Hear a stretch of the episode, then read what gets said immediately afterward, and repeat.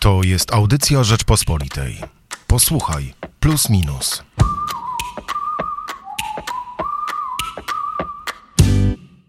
Michał Płociński, zapraszam.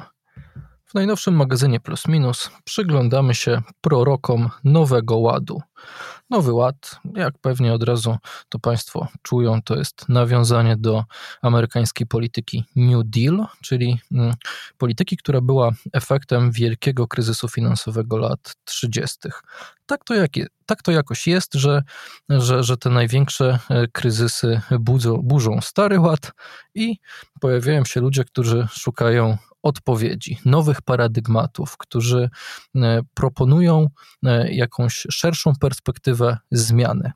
I postanowiliśmy takim ludziom albo takim ideom się przyjrzeć pod trzema kątami. Z jednej strony Grzegorz Siemiączyk pisze o kolejnym wyzwoleniu ze złotej klatki. Czym ta złota klatka jest? No, to jest nawiązanie do e, starego, e, sta, sta, starego uzależnienia waluty od złota. Taki paradygmat e, złota i uwolnienie waluty od złota było absolutną zmianą paradygmatu finansowego.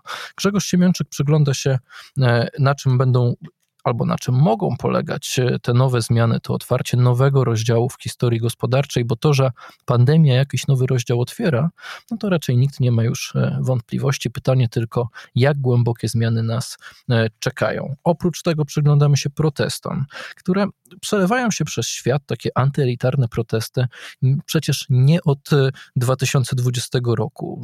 Mówimy tutaj na przykład o e, protestach żółtych kamizelek, czy jeszcze wcześniejszych Occupy Wall Street. Przecież to jest e, kwestia końca pierwszej dekady XXI wieku. Wszystkie je łączy to, że e, twierdzą, że świat powinien być inny, a za te największe błędy tego świata odpowiadają, odpowiada jakiś oligarchiczny porządek, czyli po prostu łączy je antyelitarność. Ale pandemia w połączeniu na przykład z e, e, problemem rasizmu, który mocno wybuchł, także prawdopodobnie mocno wzmacniany przez e, pandemię, e, doprowadziła do tego, że te ruchy antyelitarne wzrastają w siłę właściwie na całym świecie i temu przygląda się Hubert Kozioł e, w tekście pod znamiennym tytułem Nieskuteczni jak buntownicy. Dlaczego wszystkie te bunty tak naprawdę nie doprowadzają do żadnych e, zmian. E, odpowiedź na to w tekście Huberta Kozieła, a Olgierd Sroczyński, jak już mamy ekonomię, jak już mamy politykę, przygląda się ideom, przygląda się temu, e, kto chce wymazać liberalizm. W tekście Ludzie wymazywani opisuje historię tak zwanej cancel culture, czyli kultury anulowania, kultury e, wymazywania. Zastanawia się, dlaczego ta wielka spirala cancel culture tak mocno rozkręca się w ostatnich e, miesiącach. E, podaję tu oczywiście przykłady na J.K. Rowling, ale, ale, ale nie tylko, bo w Polsce też mieliśmy kilka głośnych przykładów i zastanawia się nad tym, co to oznacza dla liberalizmu, dla demokracji e, liberalnej, bo trudno mieć wątpliwości, że jak patrzymy na, na te lewicowe ruchy, silne szczególnie w mediach społecznościowych, no to liberalizm e, wydaje się być w defensywie. Ta wiara, ta wiara w indywidualizm, e, ta wiara mimo wszystko w pewną jakąś taką ideę środka, sprzeciwu wobec rewolucji wobec e, zbyt pochopnych e, politycznych ruchów. E, dlatego nazwaliśmy to w skrócie prorocy Nowego Ładu i takim hasłem zachęcamy Państwa do zakupu czy do zajrzenia na stronę rp.pl, jak ekonomia, polityka i idee będą wyglądały po pandemii. Nad tym się zastanawiamy, ale oczywiście zauważamy też e, mimo wszystko ten główny temat, temat numer jeden, którym wszyscy żyjemy, czyli COVID, koronawirus. E, patrzymy, jak e, na przykład sytuacja wygląda w Stanach Zjednoczonych, gdzie przecież już trwa, trwa prezydencka elekcja. Co prawda, do urn mm, Amerykanie ruszą masowo dopiero w następny wtorek, 3 listopada, ale już w tej chwili ponad 30, a może już ponad 40 milionów Amerykanów oddało swój głos e, drogą korespondencyjną. Dlatego Jędrzej Bielecki przygląda się e, Joe Bidenowi i Donaldowi Trumpowi w tekście Łucznicy kontra salami, czyli ostatnia nadzieja Trumpa. Czym są łucznicy, czym jest salami? Otóż to są dwie koncepcje e, prowadzenia kampanii, a tak naprawdę mobilizowania wyborców.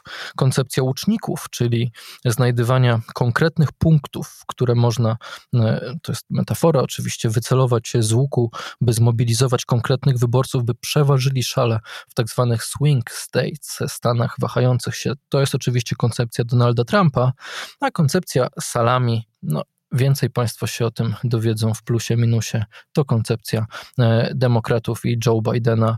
Raczej Joe Biden mm, no, prowadzi kampanię w sposób wycofany. Nie chce popełniać gaf, nie jest mu potrzebne teraz przejmowanie inicjatywy. E, nawet e, ostatnia debata prezydencka, która odbyła się polskiego czasu w nocy z czwartku na piątek, no, za dużo nie zmieniła. Donald Trump raczej tej inicjatywy nie przejął. Wszystko zmierza e, do, do, do, do zwycięstwa Joe Bidena, więc e, jeżeli nie będzie żadnych e, gaf, to prawdopodobnie taktyka salami się sprawdzi. Ale dlaczego w Partii Demokratycznej nie widać jeszcze żadnych oznak triumfu, nie widać wielkiej radości z tej wysokiej przewagi sondażowej. No, świetnie wyjaśnia to e, w swoim tekście Jędrzej Bielecki, więc tam Państwa e, zachęcam Państwa do tego, żeby rzucić okiem, ale mamy taki trochę też mini blok amerykański, bo oprócz e, kampanii przecież życie normalnie się toczy. No właśnie, pytanie, czy w Stanach Zjednoczonych, gdzie już ćwierć miliona osób zmarło na COVID-19, życie może w ogóle się toczyć normalnie. Jak to wygląda w rezerwacie Indian Navajo czy Nawachów, bo są dwie możliwości tego wymiany po polsku. To o tym pisze e, profesor Radosław e, Palonka, archeolog, adiunkt na Uniwersytecie Jagiellońskim. Tekst nosi tytuł Wirus w rezerwacie szamanów. No bo świat dostrzega katastrofalną sytuację związaną z pandemią w wielu państwach afrykańskich, e, widzi, co się dzieje na globalnym południu, ale społeczności indyjskie zostają trochę na marginesie naszych zainteresowań, pisze pan profesor. Nawet w Stanach Zjednoczonych są poza centrum walki z koronawirusem Tam ta walka skupia się raczej na Nowym Jorku, na Los Angeles. Podawane są przykłady przepełnionych e, szpitali, a Indianie którzy często świadomie rezygnują z cywilizacyjnych e, udogodnień, którzy chcą iść nadal swoją tradycyjną e, drogą. Przecież e, też mają swoje problemy. Ich koronawirus nie ominął.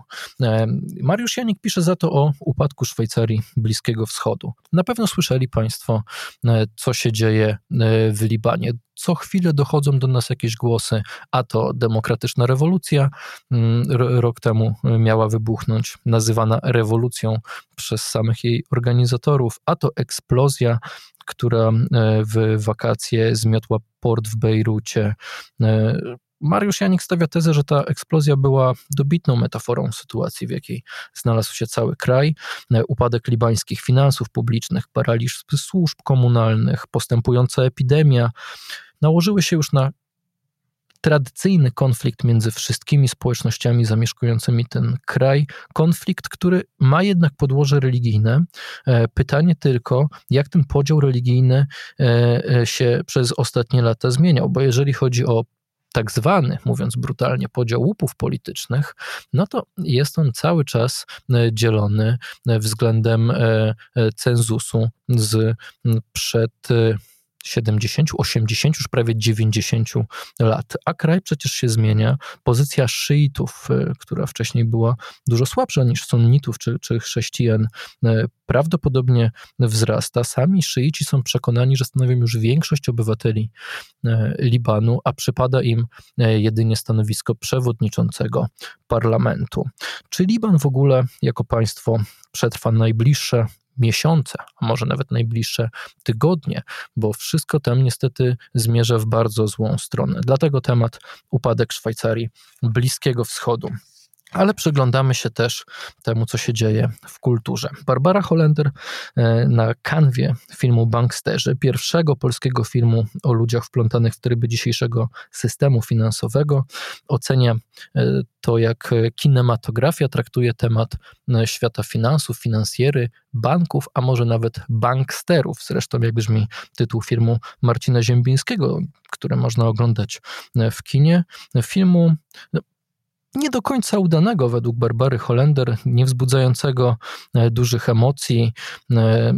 E, trzeba tylko pamiętać, e, zaznacza autorka, że to pierwszy polski film o ludziach wplątanych w tryby dzisiejszego systemu finansowego, że Hollywood ten temat porusza no, co najmniej od końca lat 80. No i tutaj analizuje Barbara Holender od Wall Street przez Wilka z Wall Street po najnowsze produkcje to, jak e, filmowcy z polityków przenieśli się na bankierów jako swoje e, główne, jako swoje główne postaci e, zainteresowania. Pytanie właśnie, czy teraz to już nie bankierzy rządzą światem, tak jak kiedyś rządzili politycy i czy ta idea, która stoi za przyglądaniem się ich ruchom, przyglądaniem się przez Hollywood i przez, jak widzimy, też światową kinematografię, e, nie pokazuje nam pewnej prawdy o świecie.